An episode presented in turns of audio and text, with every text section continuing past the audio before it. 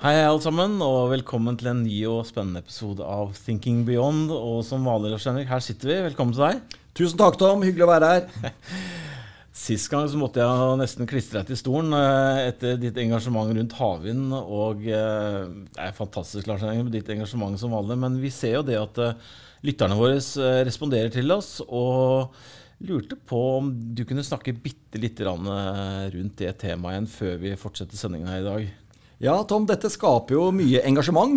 Og det merker jeg på min egen eh, LinkedIn-profil òg, hvor jeg skriver litt. Og, eh, og, eh, det blir noen fine, fine innlegg og diskusjoner, også nyttig, nyttig for meg. Eh, la meg bare gjenta. Altså bak, altså, jeg starter egentlig med, med Paris-avtaleintensjonen og videre ned i EU sine klimaambisjoner og klimaplanen.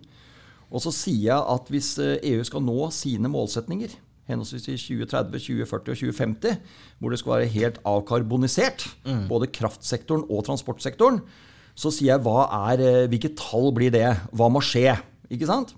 Og det er eh, det jeg tar som utgangspunkt. Så jeg lager ikke en diskusjon egentlig om, om fornuften eller ikke i, i Parisavtalen eller i EU sine klimaplaner og ambisjoner. Jeg tar og sier at de, hvis de skal skje fylde, så må ø, store ting skje. Og da er det jeg sier at uh, vi kommer ikke utenom uh, Nordsjøen og alle nordsjølandene, men også da Norge sitt bidrag via av havvind. Mm. Og så er det regne videre på det hvis det skal være meningsfulle tall. Og da tar jeg utgangspunkt i at Norge står for rundt 20-25 av forsyningen av gass til Europa i dag. Og det må da være et, et godt utgangspunkt at Norge må da også stå for 20-25 av vindkraften hvis, hvis, man skal avkarbonisere denne gassen. Mm. Eller så, for vi, kommer tross, vi ligger jo tross alt beste vindbassenget, som er Nordsjøen, og det viser alle eksterne rapporter. Så jeg tar eh, det som utgangspunktet, mm. og går ikke så mye mer egentlig diskusjon rundt eh, som sagt, klimaavtaler og klimasyn og slike ting. Og da er det jeg kommer fram til disse her tallene her, eh, som blir veldig store, og sier da at vi har en enormt stor næring under utvikling foran oss. Mm. Og i sånn investering i Capex så blir det som, nesten litt som oljesektoren en gang til. Mm. Hvis Norge skal uh, nå opp mot disse her, uh, helt opp mot 1000 TWh i året i 2040, som jeg snakker om. Mm. Og 1000 TWh er altså ca. 6-7 ganger det vi har i vannkraftproduksjon i Norge i dag. Så kommer det da også opp eh, innvendinger mot det jeg sier her, ved at Norge ligger Det blir dyrt, vi har dypere vann og, kraftigere vind. Det krever større og dyrere konstruksjoner på møllene og slike ting enn det det er i UK. Jeg nevnte jo sist gang dette med Sheringham Shoal. Uh, feltet utenfor UK sin østkyst, som åpna i 2012. Mm. Hvor jeg, hvor jeg, hvor jeg, hvor jeg, ja, jeg hvor, ja, kronprins Haakon ja. og oljeministeren vår og energi- industriministeren var der. Så de åpna et britisk felt, men med fullt, fullt oppmøte av norske ministre og kronprins. Men det er fordi det var norske eierinteresser bak, med Statoil, eller Stat, Statoil og Statkraft. Så nå må vi starte. Mm. Det er poenget mitt. Og jeg tror eh, hvert år vi ikke kommer ordentlig i gang, det er et litt sånn tapt år. Mm. Så liksom eh, Let the game begin, let the game continue. Og her kommer det til å bli utrolig mye de neste årene. Og det bygger seg opp helt nye sektorer, akkurat som vi så innenfor olje. Når det starta i Norge på, på 70-tallet, så eh, bygde det seg opp en voldsom bl.a. servicesektor som vi ikke hadde hatt fra før. Det vil også skje her sånn. Så alt innen konsulentvirksomhet, service, teknologier som kan gjøre vedlikehold og drift eh, av disse her mer, mer bedre, mer logisk. Eh, måling av vindestrømmer på, på, bladene. Alt slike ting. Det skal vedlikeholdes, men det skal også finnes opp og mm. skal monteres. Dette er spennende, Tom, og det er det som engasjerer meg. Og det er, en, det er en utrolig spennende tid som ligger foran oss. Men en av mine lesere, lyttere, eh, minnet meg på uh, Eh, Peter Diamantis eh, sitt utsagn som sier noe sånn som at, eh, at dagen før et breakthrough så, så, virker jo alle ideer helt crazy. Mm. Og vi mm. er litt der nå. Mm. At det er ikke helt breakthrough, og derfor er det denne debatten her. og Derfor liker jeg å sitte på denne kanalen her som vi kaller Thinking Beyond, og vi mm. tør å tenke litt utover. Mm. Så det er bakgrunnen min. Vi står for å kjempe breakthrough, men den er ikke akseptert. Den er ikke opplest og vedtatt, og det er jeg enig i, men da virker den litt crazy når jeg snakker om de tallene her. sånn. Men jeg tror på det. Veldig bra, Lars Henrik. Du, da skal vi Det var kortversjonen, Tom. Ja, ja, veldig bra. Uh, vi kommer nok helt garantert tilbake til det temaet senere i, i, år. bare så jeg har sagt. Men um, la oss um, kort komme innom markedene. Lars Henrik. Det er jo, vi har jo vært noe bekymret for at uh, ting har blitt strukket litt langt etter, etter nyttår, og at uh, vi kanskje skulle få noe pullbacks. Men akkurat sånn som ser ut nå, så er uh, toger ting bare på. Ja, det gjør det. Ehm, det bare Siden sist uke så har det kommet noen flere. Jeg bruker denne SMP 500-indeksen i USA, som jeg kaller verdens eh, viktigste og største indeks. Det er for så vidt ikke helt riktig. Du har verdensindeksen, altså f.eks. MSCI All Country World-indeksen. Men av de som ligger i land, så, så, samler denne her opp et veldig stort og bredt bilde av hva som skjer på selskapsfronten globalt, selv om den ligger i USA. Mm. Og eh, der har nå i overkant av 370 eh, selskaper eh, rapportert. Eh, når vi spiller inn nå. Og, eh, og, det er enorm Hittil så er eh, overraskelsen både på salg, altså omsetning, og inntjening rekordhøyt. Vi skal tilbake til kvartalene i etterkant av finanskrisen. Altså snakker vi en 11-12 år siden. før, kanskje før vi så at overraskelsesprosenten var så høy. Mm. Vi snakker om at det er 80% av selskapene som har rapportert nå, har overrasket på omsetning. Og, eller ca. 78% og ca. 80% på inntjening av, av selskapene altså har eh, overrasket på inntjeningsveksten sin. Så det her har analytikerne vært for, for passive. Mm. Og det er fordi vi kommer ut av en sånn kneik hvor, eh, hvor nedturen var ganske stor, og så kommer, altså, så er, eh, så kommer ting veldig fort, veldig fort tilbake. Mm. Så uh, dette ser vi også uh, i Norge. Uh, jevnt over leverer det gode tall. Jeg tror jeg bare har observert uh, sånn umiddelbart kanskje Aker Solution, mm. som kom ut med litt svake tall. Mm.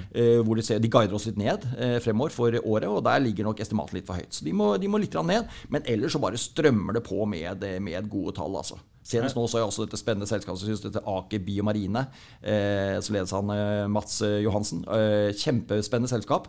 Eh, og de var vel, de kom vel og de dobla sin EBDA Eh, dette kvartalet, altså fjerde kvartal 2020 i forhold til fjerde kvartal 2019.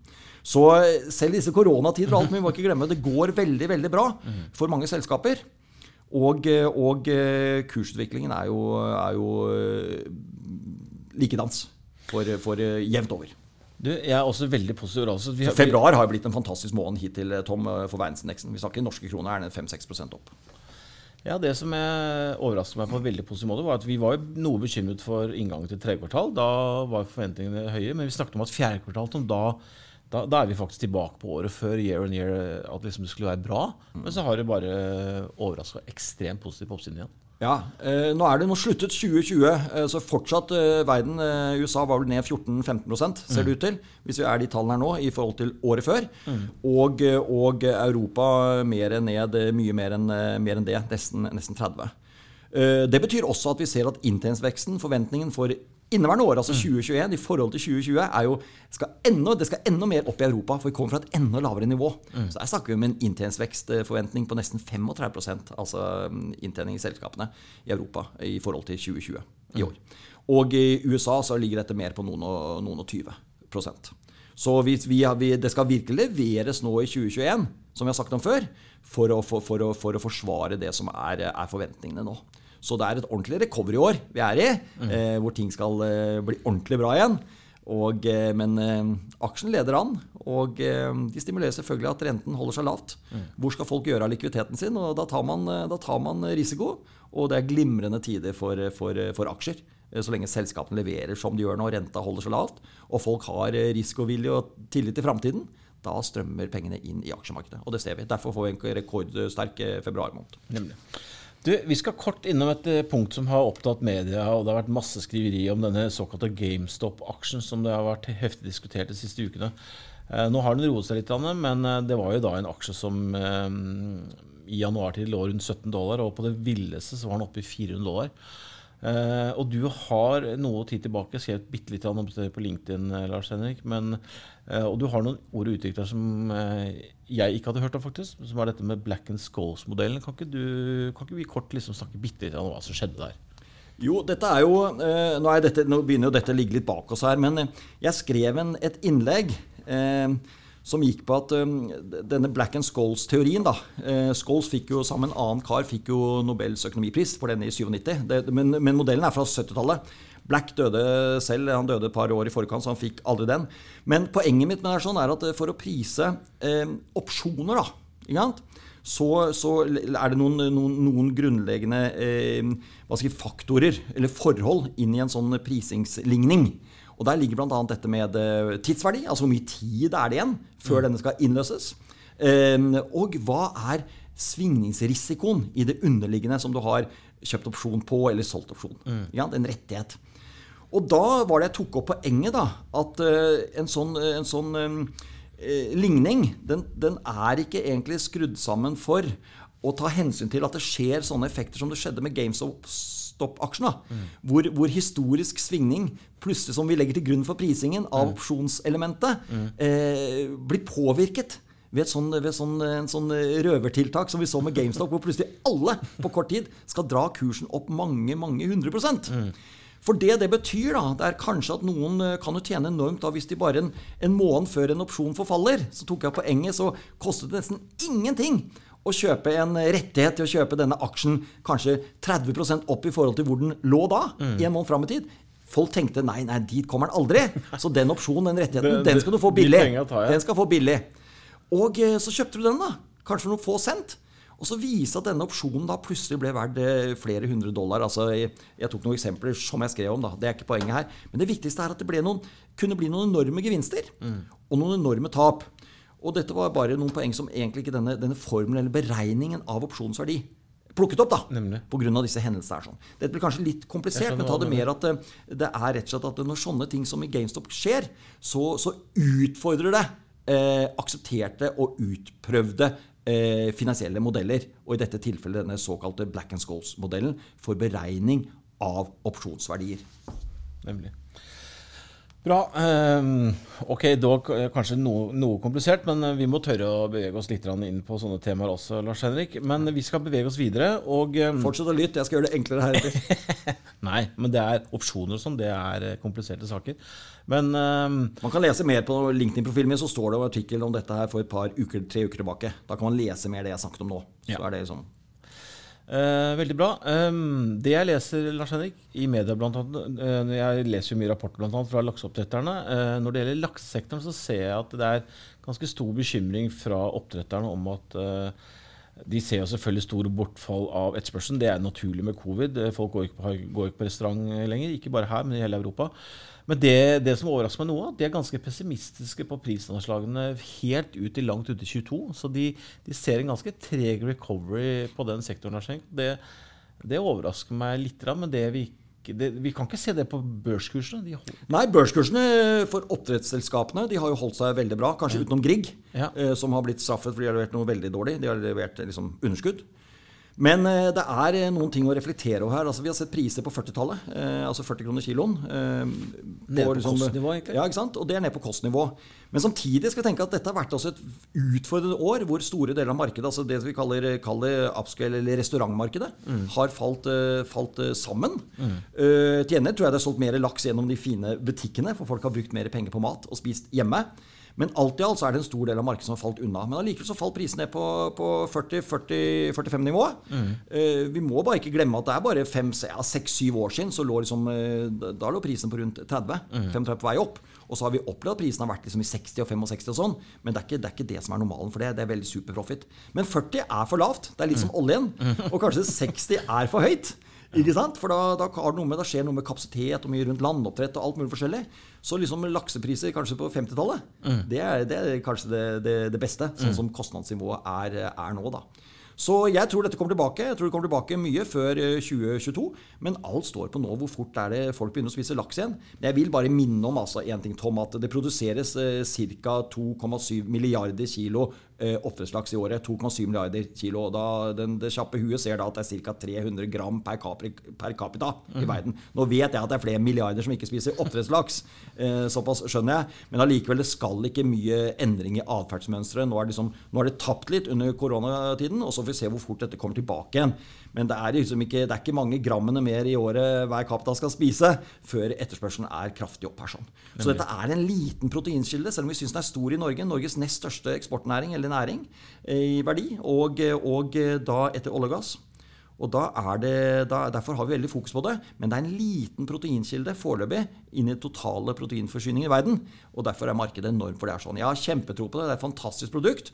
Og, og nå skal det bare bre enda mer om seg. Og det kommer med mer eh, oppdrett fra dypt vann, altså det vi kaller utenfor, utenfor skjærgården, utenfor mm. dagens mære, og fra landoppdrett. Nærmere konsumenten. Nemlig. Så jeg, er, jeg har tro på dette her er, er veldig bra. Og det som er interessant, eh, som var litt av poenget mitt, var at det er alltid litt morsomt å se at eh, markedene kanskje ikke er helt enige med selskapet. da. Nei. De er ikke, de, eh, børskursene reflekterer ikke samme bekymring. Du, eh, Vi skal over på et annet tema. Lars Arne. Dette her er et tema som kommer mer og mer fram i lyset. Dette med at bankene nå Dette med dårlig klimaprofil på bedrifter og differensiering av eh, renter og lån og grønn finansiering, som vi ser mer og mer bankene snakke om nå. Kan ikke vi snakke litt om det? Lars Henrik? Ja, eh, og da kan vi ta utgangspunkt i at eh, Og dette har jo begynt å komme, det vi kaller grønne lån. Altså grønne obligasjonslån og sånne benevnelser. Det som blir viktigere fremover nå, det er at bankene i seg selv kommer, Bankene har jo, de finansierer seg jo. ikke sant? De finansierer seg med at folk har innskudd hos dem. Mm. De finansierer seg i interbankmarkedet, altså kan være lån mellom, mellom, bankene og det profesjonelle markedet, og det kan være via, via nasjonalbankene, som finansierer bankene. Sånn at de kan låne ut penger igjen videre. Mm. Og Det som blir poenget her, da, Tom, det er at eh, det, vi kommer nok til å se at eh, bankene kommer til å også finansiere seg mer og mer eh, grønt. Mm. Forutsatt at disse pengene er beregnet for å lånes ut mot grønne prosjekter. Mm.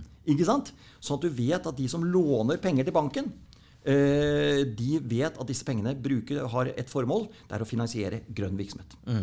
Og ikke grønnvask. Og her blir jo dette med taksonomien mm. eh, vil jo hjelpe bankene her. Eh, å avdekke og klassifisere hvilke prosjekter skal det lånes penger til som er ordentlig grønne, og hvilke skal det ikke lånes. Hvem er mer grå, og hvem er direkte sorte. Mm. Så det kommer til å bygges opp mer og mer et marked her, både for å, for å finansiere bankene, men også at bankene finansierer prosjekter mm. som går på dette her med differensierte rentebetingelser. Eh, eller generelle lånebetingelser, covenanter, covenants, eh, som går på at selskapet over, opp, overholder en lovnad mm. om grønn virksomhet. Nemlig. Så det er, eh, Og så kan du si at det kan bli blå, blå lån òg. En ting er grønne blå. Det kan være mot havbruksnæring, ikke sant? Mm. som har begynt å komme. Så eh, det det er poenget med det her. sånn at det er, eh, det er utrolig spennende hva som skjer i hele finansieringssiden her. Sånn, for det kommer til å bli veldig stor forskjell. Altså kostnaden ved å finansiere seg riktig og ikke riktig. Mm. Og dette er jo kanskje det som skal til for å av, si, avslutte den uønskede industrien fortere. Det er jo rett og slett å gjøre finansieringen av den dyrere. Mm. For det er klart at uh, blir, det, blir, det, mer og mer tungt å finansiere dårlig energivirksomhet, gammeldags energivirksomhet, olje og gass over tid, mm. at det blir dyrere, så vil jo det, og vice versa for den nye og grønne, mm. så vil jo det fremskynde uh, en, en endring som vi ønsker. Så dette er det jeg liker mer den mekanismen her, istedenfor bare ekskludere ting, men la disse kreftene virke på en mer naturlig og rasjonell måte. Nemlig, det blir det da. Men her er det viktig med taksonomien, altså, Tom, at den eh, kommer til å legge de føringer, eh, sånn at vi, ikke, så vi unngår dette her at folk tror de gjør noe bra, og så, egentlig, seg, så er det bare å kjøpe seg litt sånn falsk avlat. Da. Nemlig. Og det er litt som du sier, da, da vil, det, da vil automatikken foregå foregå den grad ting som ikke er så, vil det da naturlig fases ut. Ja. Eh, og ikke minst vil det jo føre til at de bedriftene som eh, med tro vel snakker om at de er grønne og etc., da blir det jo eh, fulgt opp at de gjør det. Og hvis de ikke gjør det, må ha, ha dyre, høyere renter og dyre finansiering. Ja, det kan bli en strafferente. Det kan bli et, ikke sant? Det er sånn det blir. Bra. Vi nærmer oss uh, dessverre slutten, Lars Henrik, men vi har, jeg har lyst til å ta opp et uh, siste poeng. Og det er at oljeprisen tikker og tikker i riktig retning, helt i tråd med de tingene du har sagt om. Nå skal det sies at det er 22 grader i minus Altså, sier, da må jeg bare passe på at jeg sier minus, for det, det, er ikke ofte. Jeg har vært i Texas ganske mange ganger, og det har jeg i hvert fall aldri opplevd. Men uh, det er ingen tvil om at oljeprisen går tikker og tikker oppover. Nei, det er riktig, og jeg skal ikke ta noe ære for at det er blitt så kaldt. som det har blitt, Men vi har snakket om at oljeprisen er, er sterk. Mm. Vi ser hvorfor den er sterk, og vi tror det er grunnlag for at den kan bli enda sterkere når vi får denne her økonomiske gjeninnhentingen ordentlig utover i annet halvår. Og alt tyder på at det går den veien sånn som vi ser det nå. Vaksineprogrammene ser ut til å virke, det kommer nye vaksiner. Eh, nå, fått, nå, ser det ut som volumene også er ålreit. Mm. Så markedet har fremtidstroen, og det gjenspeiler seg i oljeprisen. Så er det de forholdene som du nevner. Det er, det, det er, enormt kaldt i Texas. Der ligger jo noen av de store Det sprer seg også inn i dette Permian-området, som er jo det største enkeltbassenget for skiferolje mm. i USA og det lider nå. Der pleier det liksom å bevege seg slanger nå. Der er det stivfrossen nå. Og så er det urolighet i Midtøsten nå. Det er, eh, det er eh, litt eh, Det ulmer litt. Og det har vært noen hva skal jeg si, droneangrep. Man mener at det er de iranstøttede houthiene, militsen, som står bak. Vi ser også at det er uroligheter mellom kurdere og tyrkere oppe i Nord-Irak. Og USA har jo styrket disse syriske kurderne, som da er mer venner med disse PK, PKK, altså de, de, de tyrkiske guderne. Så her er litt, det er dårlig forhold mellom Tyrkia og USA nå. Så det er litt, det ulmer litt i hele Midtøsten litt igjen her sånn. Og det, det gjør nok at oljeprisen jeg vil ikke si det går kraftig opp, men den, den holder seg høyt. Men først og fremst er det jo at det er sterk disiplin innad i OPEC og OPEC pluss. Så du skal ikke da, altså det, Jeg står fast på caset mitt at det, er, eh, det, er, det ser bra ut. Og det kan gå mye høy, høyere i annet halvår. Eh, For da kan vi få en ubalanse at det rett og slett er litt for lite. Lagrene blir trukket fort mm. hvis, eh, når den økonomiske recoveryen kommer. Altså gjeninnhentingen. Men så kan den ikke være for høy over tid, som vi har sagt om. For da kommer amerikansk skiferolje eh, for fullt igjen og ødelegger. Så sånn, eh, sånn går nå dagene, da. ikke sant? Så det er eh, det er det er det det er å si. Veldig bra. Du, um, da skal jeg avslutningsvis si at uh, neste episode så sitter vel de fleste kanskje og koser seg foran peisen, og det er vinterferie. Uh, men uh, vi tenker vel at vi skal eh, oppsummere noe i neste episode.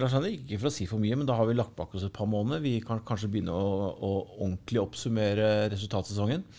Eh, og så vet jeg, Lars Henrik, at uten å røpe altfor mye, så vet jeg at det er et tema som eh, vi har snakket litt om, som du jobber med, som, er dette med, som henger veldig godt sammen med Thinking Beyond. Dette med spesialmateriale på havbunnen og Spesialmetall, ja. ja. ja, spesialmetallet. Og, eh, så jeg er nysgjerrig om vi kommer innom det eller ikke. Det får dere vite neste uke, kjære lyttere. Ja, eh, jeg skal ikke ta noe langt med det, men det er utrolig. Og det, som du sier, dette er en del av eh, hvorfor vi heter Thinking Beyond. Det er å tørre å være litt nysgjerrig på hva som ligger over neste fjell. Ja. Hva er i neste dal? Og, eh, og eh, det som opptar meg mer, som jeg har sett litt på over ganske lang tid, dette er det som bygger seg opp med kalles seabed mining. Altså det, For vi ser det, blir et, det bygger seg opp et voldsomt behov for mer og mer spesialmetaller nå. Inn i all verdens elektroniske applikasjoner, men også batterier og fremtidens batterier. Og her ser det ut igjen at Norge er veldig godt posisjonert. Først hadde vi oljen, olje og gassen. Det var flaks. Så ser det ut som vi har vinden. Nordsjøen. Litt flaks. Og så er det dette nå med høysynlig at vi har veldig høyverdi metaller på havbunnen eller rett under. Og dette lyder jo helt komplisert. Igjen sa jeg det igjen. altså Rett før et breakthrough så virker jo alt helt crazy. Men, eh, men dette har jeg tro på en gang i framtiden blir en veldig spennende næring. Men vi kommer allerede nå innenfor de neste få årene til å høre masse om det er sånn. Og det kommer til å tas eh, flere initiativer på det. Så dette må vi følge med på. Jeg skal snakke mer om det. Men det er en ny, stor næring som vil prege iallfall den neste generasjonen i Norge. Veldig bra. Det gleder jeg meg til, Lars Henrik, og det håper jeg dere også gjør. Og så høres vi til uken. Det gjør vi. Ha det. Ha det.